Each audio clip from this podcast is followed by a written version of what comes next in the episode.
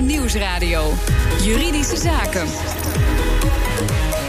Paul van Liemt. Wat maakt het uit of ik stem? Nergens is de opkomst zo laag als bij de Europese verkiezingen. Die overtuiging leeft bij veel burgers en de overtuiging leeft dat het niet veel uitmaakt of je wel of niet stemt. Vandaag zijn er twee gasten die juist heel erg overtuigd zijn van het nut. Maar waarom dan precies? Eerst Nelke van der Heijden met wat cijfers over de kiezers. Paul, ja, de Tweede Kamer die vertrekt aanzienlijk hoger opkomstpercentage. In 2017 ruim 81 procent. Terwijl de laatste Europese verkiezingen in 2014 niet meer dan 37 procent, een derde van ons, naar de stembus kreeg. INO Research heeft, dat, uh, heeft ons onderzocht en, we, en ze hebben gekeken welke lijsttrekkers wij nou kennen. Nou, dat blijkt dat we vooral Frans Timmermans van, uh, van de PvdA kennen, bijna 70 procent. Dan keldert het al behoorlijk, maar we kennen Sophie in het veld van D66 ook nog, ruim een kwart. Maar daarna zitten we echt op 10 procent of nog lager voor Marcel de Graaf van PVV en net onder Dirk-Jan Epping van Forum voor Democratie en Esther Lange van CDA. Um, Malik Asmani van de VVD hoort ook nog daarbij. Maar nog weer iets lager zitten we alweer bij Bas Eickhout van GroenLinks. Terwijl die strijdt zelfs voor het voorzitterschap van de Europese Commissie. Nou ja, droevig gesteld is met die kennis. Ja, dus we kennen ze niet. We hebben ook geen zin om te gaan stemmen? Nee, er is ook gevraagd hoe betrokken we ons nou voelen bij de verschillende verkiezingen. En dan blijkt dat de Europese verkiezingen nog wel iets hoger scoren dan de provinciale verkiezingen. Maar als dan wordt gevraagd naar ons vertrouwen, dan bungelt het Europese parlement weer helemaal onderaan. En we hebben meer vertrouwen dus in de provinciale staten. De Tweede Kamer staat ook daar weer bovenaan. En de gemeenteraad zit daar nog een beetje tussen. En de groep die echt helemaal geen vertrouwen heeft, is voor het Europees parlement met dik 30 procent echt het allergrootst. Nou, wordt de helse klus voor de politici. Dankjewel, Nelleke. Mijn gasten Christina Eckers, hoogleraar Europees Recht aan de Universiteit van Amsterdam. En Paul Tang, delegatieleider van de PvdA in het Europees Parlement. Welkom.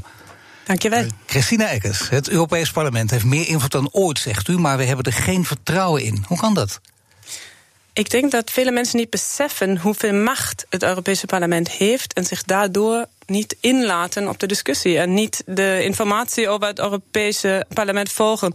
Dus ik zou zeggen dat het hoofdpunt is het interesse, het gebrek misschien aan interesse in nieuws over het Europese parlement en het gebrek aan besef dat stemmen voor het Europese parlement echt in een globaliserende wereld de stem is die, die beïnvloedt hoe wij handel drijven, welke veiligheidsstandaarden wij op onze producten hebben. Maar u zegt ook, we hebben er weinig informatie over. Is dat de schuld van de media? Ik denk dat het ook de schuld van de media is. Niet oh, uitsluitend. Ik denk die twee uh, versterken elkaar. De media, logica is natuurlijk dat ze iets aanbieden wat de consument wil consumeren. Dus wat de lezer wil lezen, wat de uh, luisteraar wil lu luisteren.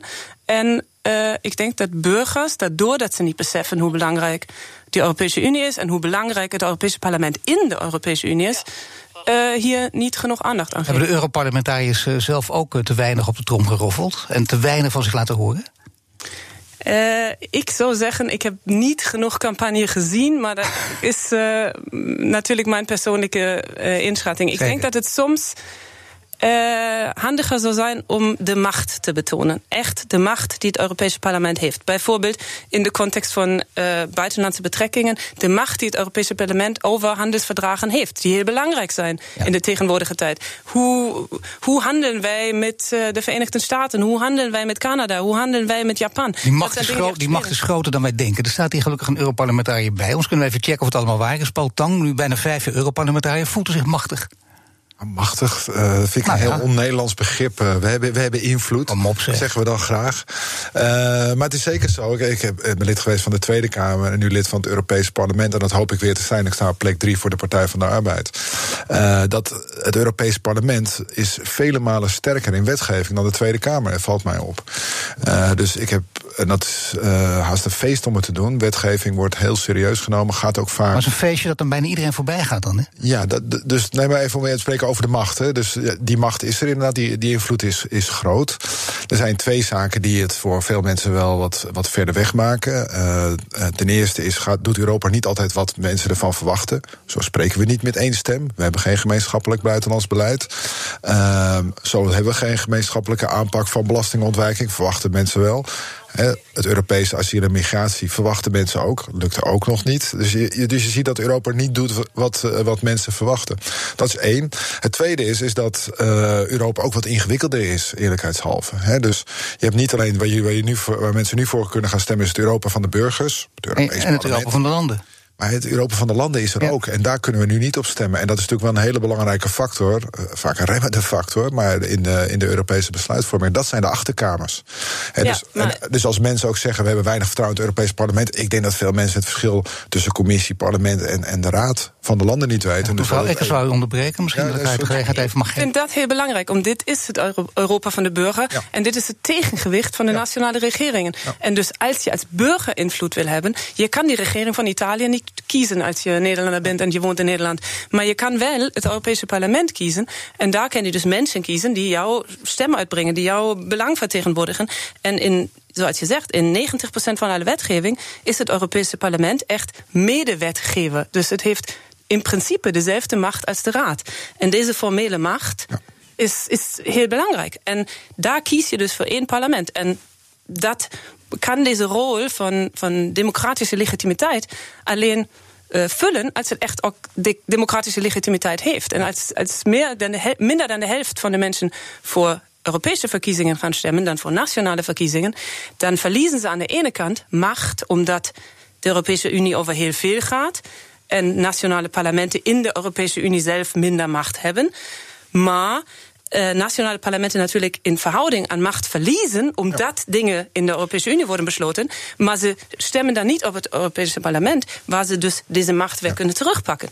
Ja, nee, nog even op terug te komen, want wat is de rol van de Europarlementariërs? Timmeren te weinig aan de weg. Ik kan me herinneren dat ik vijf jaar geleden heb ik echt campagne gevoerd. Hè? Brussel dichter bij mensen. En ik denk dat uh, we dat als PvdA-eurodelegatie ook echt hebben geprobeerd. We, zijn, we mogen nooit uh, alleen voor de bubbel werken. Nee, we werken echt. We laten zien wat we doen in Nederland. maar als het niet werkt, hè, wat, is dan, ja, wat, dan, nee, maar wat is dan de conclusie van de evaluatie? Nou ja, dan denk ik dat je ook uh, moet constateren dat die, die, die stem van mensen af en toe wat duidelijker moet zijn. Hè? Dus dat het Europa van de burgers. Dit is eigenlijk de kans om je richting te geven aan Europa. Dit is je kans.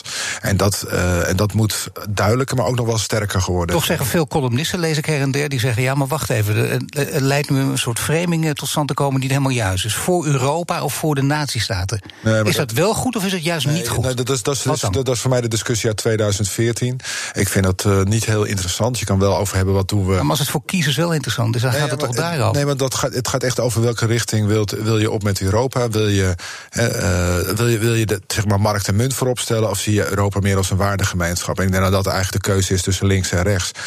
Daarvoor, daarvoor moet je kiezen. En het mag misschien een keuze zijn voor meer of minder Europa. Maar ik denk in ieder geval kan het geen keuze eh, op specifieke beleidsterreinen vooral. Maar het kan niet de keuze zijn voor voor of tegen Europa. Europa bestaat. Dit is een institutionele feit. Wat ik zeg. Maar daarom wil je wel weten waar, op welke thema's heeft Europa nu al meer zeggenschap. Letterlijk meer zeggenschap dan Nederland bijvoorbeeld. Ja, ik, bijvoorbeeld privacybescherming is heel belangrijk. Heel heel, staat heel hoog op de databescherming. De databescherming. Dus als wij verdragen sluiten met de VS, of wij data wisselen of niet wisselen, daarover gaat de Europese Unie tot een heel punt. We hebben nu die uh, General Data Protection Directive, dus die richtlijn die over databescherming gaat, die is sinds afgelopen jaar in kracht. En dat, dat heeft invloed gehad op de hele samenleving en hoe wij met data op internet omgaan.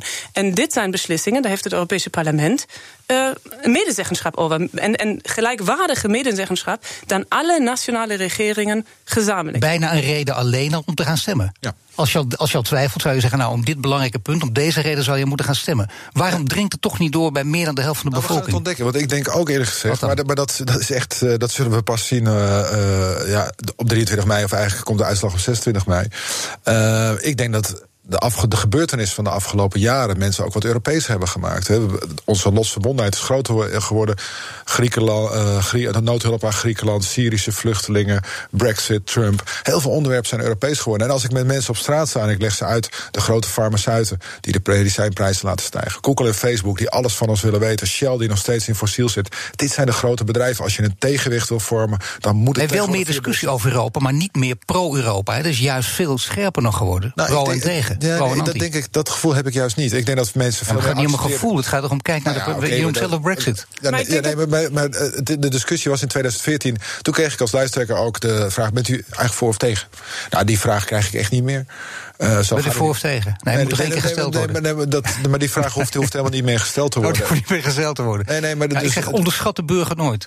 Maar ik denk dat Brexit ook laat zien hoe belangrijk uh, de Europese Unie is. Omdat wij zien nu dat Groot-Brittannië probeert dezelfde handelsverdragen te sluiten, bijvoorbeeld met Japan. En Japan zegt: Nou, nou, nou, we moeten even zien. Bedoel, als jullie geen toegang tot de markt van 550 miljoen burgers hebben, dan weten we niet of we jullie dezelfde standaarden, dezelfde condities geven. Of jullie moeten, mogen bepalen welke aan welke regels wij moeten voldoen. Nee, de macht van het getal, dat is echt een realpolitiek. Daar zou je dus meer naar moeten kijken. Ja, en dat is, dat is gewoon globalisering. Dat is ook niet wat je kan kiezen of niet kiezen. Dat zie je ook in Brexit. Nee, maar niet voor niets dat heel veel mensen daar zo'n hekel aan hebben natuurlijk. En ze om wat voor reden ook, zelfs misschien af en toe irrationeel, gewoon afzetten tegen die globalisering. Nou, maar ik denk dat de Europese Unie dus allebei is. Het is een, een voorbeeld van globalisering, if you like, of, of als je wilt, of een voorbeeld van, ik zeg maar, nauwere samenwerking van landen. Maar aan de andere kant is het ook een antwoord op de globalisering, omdat het die mensen echt een stem geeft. Daar wordt naar jou geluisterd als je deel van een markt die zo groot is. Ja, op, op, een aantal grote thema's. Uh, zou het aantal thema's uh, verbreid moeten worden en verbreed moeten worden en veel groter moeten worden zelfs? Ja, ik denk dat Europa moet aangeven wat het niet doet. Ik leg mensen altijd uit, joh. We, hebben, we doen eigenlijk nauwelijks iets met zorg, onderwijs. Alles wat het leven goed en mooi maakt, is vaak lokaal georganiseerd of nationaal. Moet toch zo blijven? Dat moet ook zo blijven, ja. Nee, dat is heel, dat is heel divers. Dat kan je niet doen vanuit Brussel, vaak zelfs niet vanuit Den Haag. Uh, maar juist voor de grote problemen in de wereld, of het nu een schreeuwende Donald Trump die het recht van het sterkste bepleit, Google en Facebook, hè, de machtigste en grootste bedrijven in de wereld. Ja, daar, daar, moet je, daar is Europa een antwoord op. Daar gaan we straks over hebben. Wat moet je om internetgiganten als Google en Facebook aan te pakken als Europa met één mond spreekt? BNR Nieuwsradio. BNR Juridische Zaken. Europa kan veel meer dan Nederland in zijn eentje een vuist maken tegen de grote belastingontwijkende multinationals. Maar hoe dan? Mijn gasten zijn Christina Eckers, hoogleraar Europees Recht, en Paul Tang, Europarlementariër namens de PvdA. Paul Tang, uh, vorige week uh, demonstreerde u tegen Starbucks en Booking. Wat doet u dan precies? Oh, uh, en zondag nog uh, bij Ikea. Uh, ik mag ga... geen stenen door de ruiten gooien. Nee, nee, nee, nee. geen stenen. bij Ikea proberen ze nog wel de politie erbij te halen om ons weg te laten sturen. Want fijn vinden deze bedrijven het niet. Paul Tang in de boeien. Ja, Mooi dat, beeld. Dus ik zei ook ja. nog, nou kom maar. dat zal wel even nieuws zijn. Dat durven ze dan toch weer niet. Maar dat laat ook zien waarom, waarom deze partijen voelen zichzelf ook heel ongemakkelijk erbij. Ze weten het donders goed dat wat zij doen uh, voor veel mensen over de rand is. En misschien nog binnen de randen van de wet, maar maatschappelijk gezien over de rand. Maar als je gaat demonstreren, wil je ook dat het effect heeft. En, en waar bestond dat effect uit? Nou ja, maar dat, dit, dit doe ik al langer. Hè. Dit doe ik al sinds ik in de Tweede Kamer heb gezeten. Dus dat doe ik al meer dan tien jaar. Het is ook een kwestie van bewustwording. En je ziet echt ook de, die wereld veranderen. Niet alleen bij gewone mensen vinden dit En dan hoef je niet eens rechts, links voor te zijn. Rechtse mensen vinden het ook belachelijk. Uh, maar je ziet ook bij bedrijven en hun fiscaal adviseurs... ja, misschien moeten we dit toch wel gaan veranderen. En dat hebben we nodig, want we hebben, moeten uiteindelijk alle landen aan boord krijgen... om die veranderingen door te voeren. Als je kijkt naar die internetreuzen, is dan die uh, zojuist al aan bod gekomen... de GDPR in de goed Nederlands de AVG, de Algemene Verordening Gegevensbescherming... Ja. is die dan toereikend, Valkens? Ik denk dat die vrij ver gaat. Ik denk dat daar geen groot probleem ligt. Ik denk dat die problemen ergens anders liggen. Ze moet A. Uh, ja, het ligt in de doorzetting, maar het ligt ook op andere gebieden. Uh, belasting, het ligt op het gebied van mededingingsrecht. Ik bedoel, de Europese Commissie is bekend daarvoor dat ze Google die hoogste, fine, die hoogste boetes ooit gegeven heeft. En meerdere keren voor verschillende aspecten. Ja, maar toch uh, kleine boetes waar ze hard om lachen natuurlijk. Nou ja, drie keer al, hè, drie keer. Ja, ja maar drie, het is meer dan een miljoen Het businessmodel geworden. Ja, maar drie keer voor hun niks. Het is ingecalculeerd door het bedrijf. Ja. Maar ik denk toch dat het laat zien... In, bijvoorbeeld heeft het Duitse Bundeskartellamt meerdere keren geprobeerd... Google op die manier te beboeten. En ze hebben toch meer macht. Ze kunnen toch sterker optreden. En, en je kan natuurlijk vragen, hoe kan het verder gaan? Het is een prachtig woord, Bundeskartellamt. Maar dat Bundeskartellamt, als mevrouw Dat kunnen wij niet. Dat spreek ik met veel genoeg uit. Maar het mooie daarvan, dat heeft de AVG dus gebruikt... om te zeggen: nee, Facebook, jullie mogen de data van Instagram, WhatsApp en Facebook niet combineren. Want daar hebben de gebruikers geen toestemming voor gegeven. Dus ja. hier prachtige toepassing. Het is precies wat Mark Zuckerberg en de zijnen willen. Want ze willen die data combineren, zodat ze nog meer over ons weten. Hier wordt nu een stokje voor gestoken. Duitsland heeft het nu gedaan. Ik weet ook dat het in Nederland wordt onderzocht. Dus dat helpt. Dan zie je dat Europese wetgeving enorm helpt. Die hoofdkantoren in het buitenland, dat helpt dan weer wat minder. Mevrouw. Nou. Ja, ik denk dat dit problemen zijn die bestaan. En de vraag is hoe gaan we daarmee om. Maar ik denk dat gewoon de conclusie alleen kan zijn... we kunnen daar alleen als Europese Unie mee omgaan. Omdat uh, als, de Europese, als Google lacht over de boetes van de Europese Commissie... dan gaat het nog meer lachen over de boetes die het van, van andere landen krijgt. En datzelfde is natuurlijk van toepassing voor de, voor de databescherming. Als ja. Duitsland die keuze neemt en Nederland ook... en vele andere Europese landen, dan ben je al een heel stap verder. Maar we staan niet pas aan het begin van het debat. Hè? Dus we, moeten, we hebben nu gegeven onze data gratis weg. We moeten moeten weer zeggenschap krijgen. De AVG is echt een goede eerste stap geweest, maar we zijn er nog lang niet. Want op zeggenschap te krijgen moet je ook inzicht krijgen in de algoritmes. Wat krijgen we eigenlijk voorgeschoteld op Facebook en waarom? En ook op YouTube. Hè. de kinderen en jongeren kijken heel veel YouTube. We discussiëren wel wat ze op school moeten leren, maar niet wat ze krijgen voorgeschoteld op YouTube. Wat betekent het ook voor de, voor de media?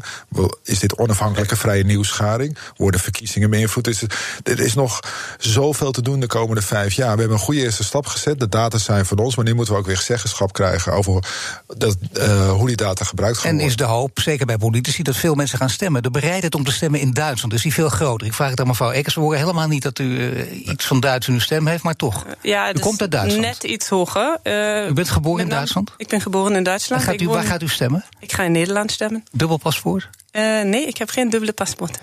Maar u gaat alleen in Nederland stemmen? Maar ik mag voor de Europese verkiezingen in Nederland stemmen. ik woon hier nu tien jaar. Als Europese burger mag ik kiezen waar ik wil stemmen, in Duitsland of in Nederland. En mag ik ook weten waarop u gaat stemmen? Uh, nee, dat hou ik uh, op dit moment terug. hey, op de partij van Paltang? Misschien, hij mij vandaag overtuigd. Maar de bereidheid om te stemmen, is die in Duitsland groter dan in Nederland?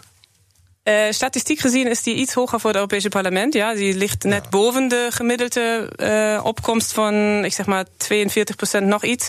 Dus die ligt bij 47. En uh, in Nederland is 10 procent punten lager, zoals we hebben gehoord. Maar wat ook uh, opvalt is, in Nederland stemmen dus iets meer dan 80% op de nationale verkiezingen. En in Duitsland ligt dat weer lager. Dus daar heb je iets van begin 70 uh, die op de nationale verkiezingen stemmen. Dus in verhouding stemmen de Duitsers vaker ja, op het Europese Duits, parlement. Duitsland is een Europese land dan Nederland, dat is zeker. We hebben nog een partij, namelijk de Brexit-partij van Nigel Farage. Om allerlei redenen, daar we, waar we nu niet al, lang, al te lang op door kunnen gaan... krijgt hij volgens de peiling in het Verenigd Koninkrijk... bijna een derde van de stemmen. Wat kan een Nederlandse stem daar tegenover stellen? Ja, dat is een enorm probleem voor het Europese parlement. Omdat zij willen in principe de Europese Unie en het Europese parlement afschaffen. Wat, wat je ziet op dit moment in de opiniepeilingen... is niet zo dat die populisten, om het maar zo te zeggen... nou een heel groot deel gaan winnen, hoor. Dat valt wel mee. Dus wat je wel ziet is weer een dat zie je in elk parlement op dit moment, niet alleen in Europa, maar ook daarbuiten, een fragmentatie. Dus elke grote partijen worden weer kleiner. Maar het is niet heel duidelijk. Nee, maar een paar is wel, een paar ik ben niet de eerste die constateert, maar bijna een derde van de stemmen krijgt hij daar. Dat is meer dan alle Nederlandse stemmen bij elkaar. Maar, maar de, met een beetje pech uh, gaan de Britten ook weer weg. En dan zijn die, die, die zetels ook weer weg. Maar het Europees parlement heeft al, is echt een broednest van populisten. En Nigel Farage is het nooit gelukt om naar Engeland te springen, maar Marine Le Pen heeft er gezeten. Eh, Salvini, die nu eh, minister van Binnenlandse Zaken is en uh, politiek leider van Leka ook begonnen in het Europees parlement. Dus het is al een broedplaats van populisten. En natuurlijk, hè? nummer drie nu voor de populist. En ik ben nummer drie voor de PvdA. Zien we u terug in het Europees parlement? Ik hou van harte. Ik denk dat we een goed resultaat gaan Als je nu kijkt naar de peilingen, hoe het er nu voor staat... is de kans heel groot, of ik kijk u even in de ogen? Ja, nee, de kans is heel groot. U heeft ook wel iets achter de hand, volgens mij, of niet? Nee, niet iets achterhand. Nee, ik ben nu volop aan de campagne ja, nee, voor. Er is, maar één ding dat telt en dat is de verkiezingsuitslag. Dus mensen moeten naar de bus. Kom op. Nou, nog één poging. Christina Eckers. En op wie moeten ze stemmen? nee, het heeft geen zin. Nee, inderdaad. Goed bij de les. Ik dank u beiden. Paul Tang, Europarlementariër en hoogleraar Europees Recht. Christina Eckers, hartelijk dank. BNR Nieuwsradio. BNR Juridische Zaken. Wat blijft in jouw handen? Wat blijft van jezelf als freelancer als je afstand doet van je auteursrecht? Het verslag is van Nelke van der Heijden. Collega Judith Lana, je werkt hier bij BNR, maar ook voor andere opdrachtgevers, want je bent freelancer. En daarom heb je nu een vraag over intellectueel eigendom. Vertel. Ja, specifiek over intellectuele eigendomsrechten. Want dat uh, ben ik wel eens tegengekomen in modelovereenkomsten. En soms moet je zo'n modelovereenkomst tekenen om een opdracht te kunnen uitvoeren. Maar in de ene overeenkomst staat het wel, in de andere staat het weer niet. Ik vraag me vooral af, als je dus je intellectuele eigendomsrechten als auteur weggeeft, wat dat betekent. En of mediabedrijven dat zomaar van een freelance auteur mogen vragen. Of dat het ook van een gewone werknemer gevraagd mag worden in een contract.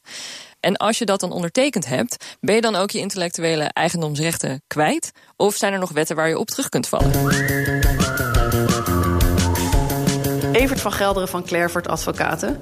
Judith vraagt zich af wat het nou precies betekent als zij afstand doet van haar intellectueel eigendomsrechten. Nou, als ze afstand doet, dan zal dat waarschijnlijk betekenen dat ze haar auteursrechten bijvoorbeeld overdraagt.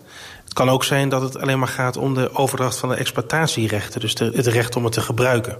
Ja, en hoe weet je dat? Moet je dat met elkaar afspreken? Ja, dat moet je expliciet met elkaar afspreken. Zo staat het ook in de wet. Als je niet expliciet afspreekt van hierbij draag ik mijn rechten over... en dat de ander zegt, dan accepteer ik. Dan moet er ook eigenlijk een schriftelijke overeenkomst.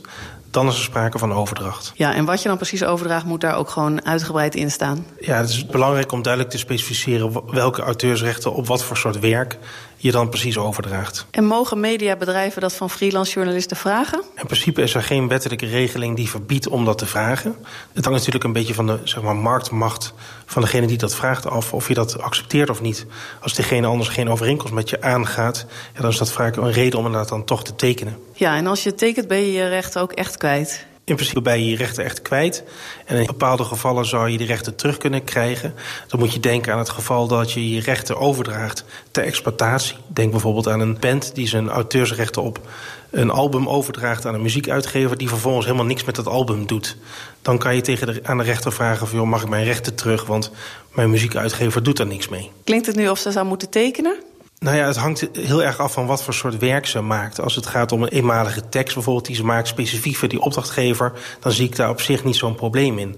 Als het bijvoorbeeld gaat om werken die je ook voor andere opdrachtgevers wil gebruiken, denk bijvoorbeeld aan standaard programmatuur, software. Daarvan wil je graag de rechten behouden, omdat je dan voor meerdere opdrachtgevers de software kan gebruiken. En dan moet je de rechten natuurlijk niet overdragen aan de eerste, de beste opdrachtgever, want dan ben je die rechten kwijt. Nee, en dan vraagt ze zich ook nog af of het nou voor haar hetzelfde geldt wat voor werknemers geldt. Nou, voor werknemers is er echt een wettelijke regeling. Als een werknemer in het kader van zijn of haar dienstverband iets maakt voor de opdrachtgever, dan gaan die rechten in principe gewoon automatisch op basis van de wet over aan de opdrachtgever. En dat geldt bijvoorbeeld niet voor freelancers. Die zijn in principe degene die de rechten hebben op het werk wat ze maken. En ze raken die rechten eigenlijk alleen maar kwijt als ze die daadwerkelijk overdragen aan de opdrachtgever. Dat zegt Evert van Gelder in een verslag van Nelke van der Heijden. Heeft u ook een juridische vraag? Mail hem naar juridischezaken.bnr.nl. Dit was de uitzending voor vandaag. U kunt de show terugluisteren via de site, de app, iTunes of Spotify. Mijn naam is Paul van Liemt. Tot de volgende zitting.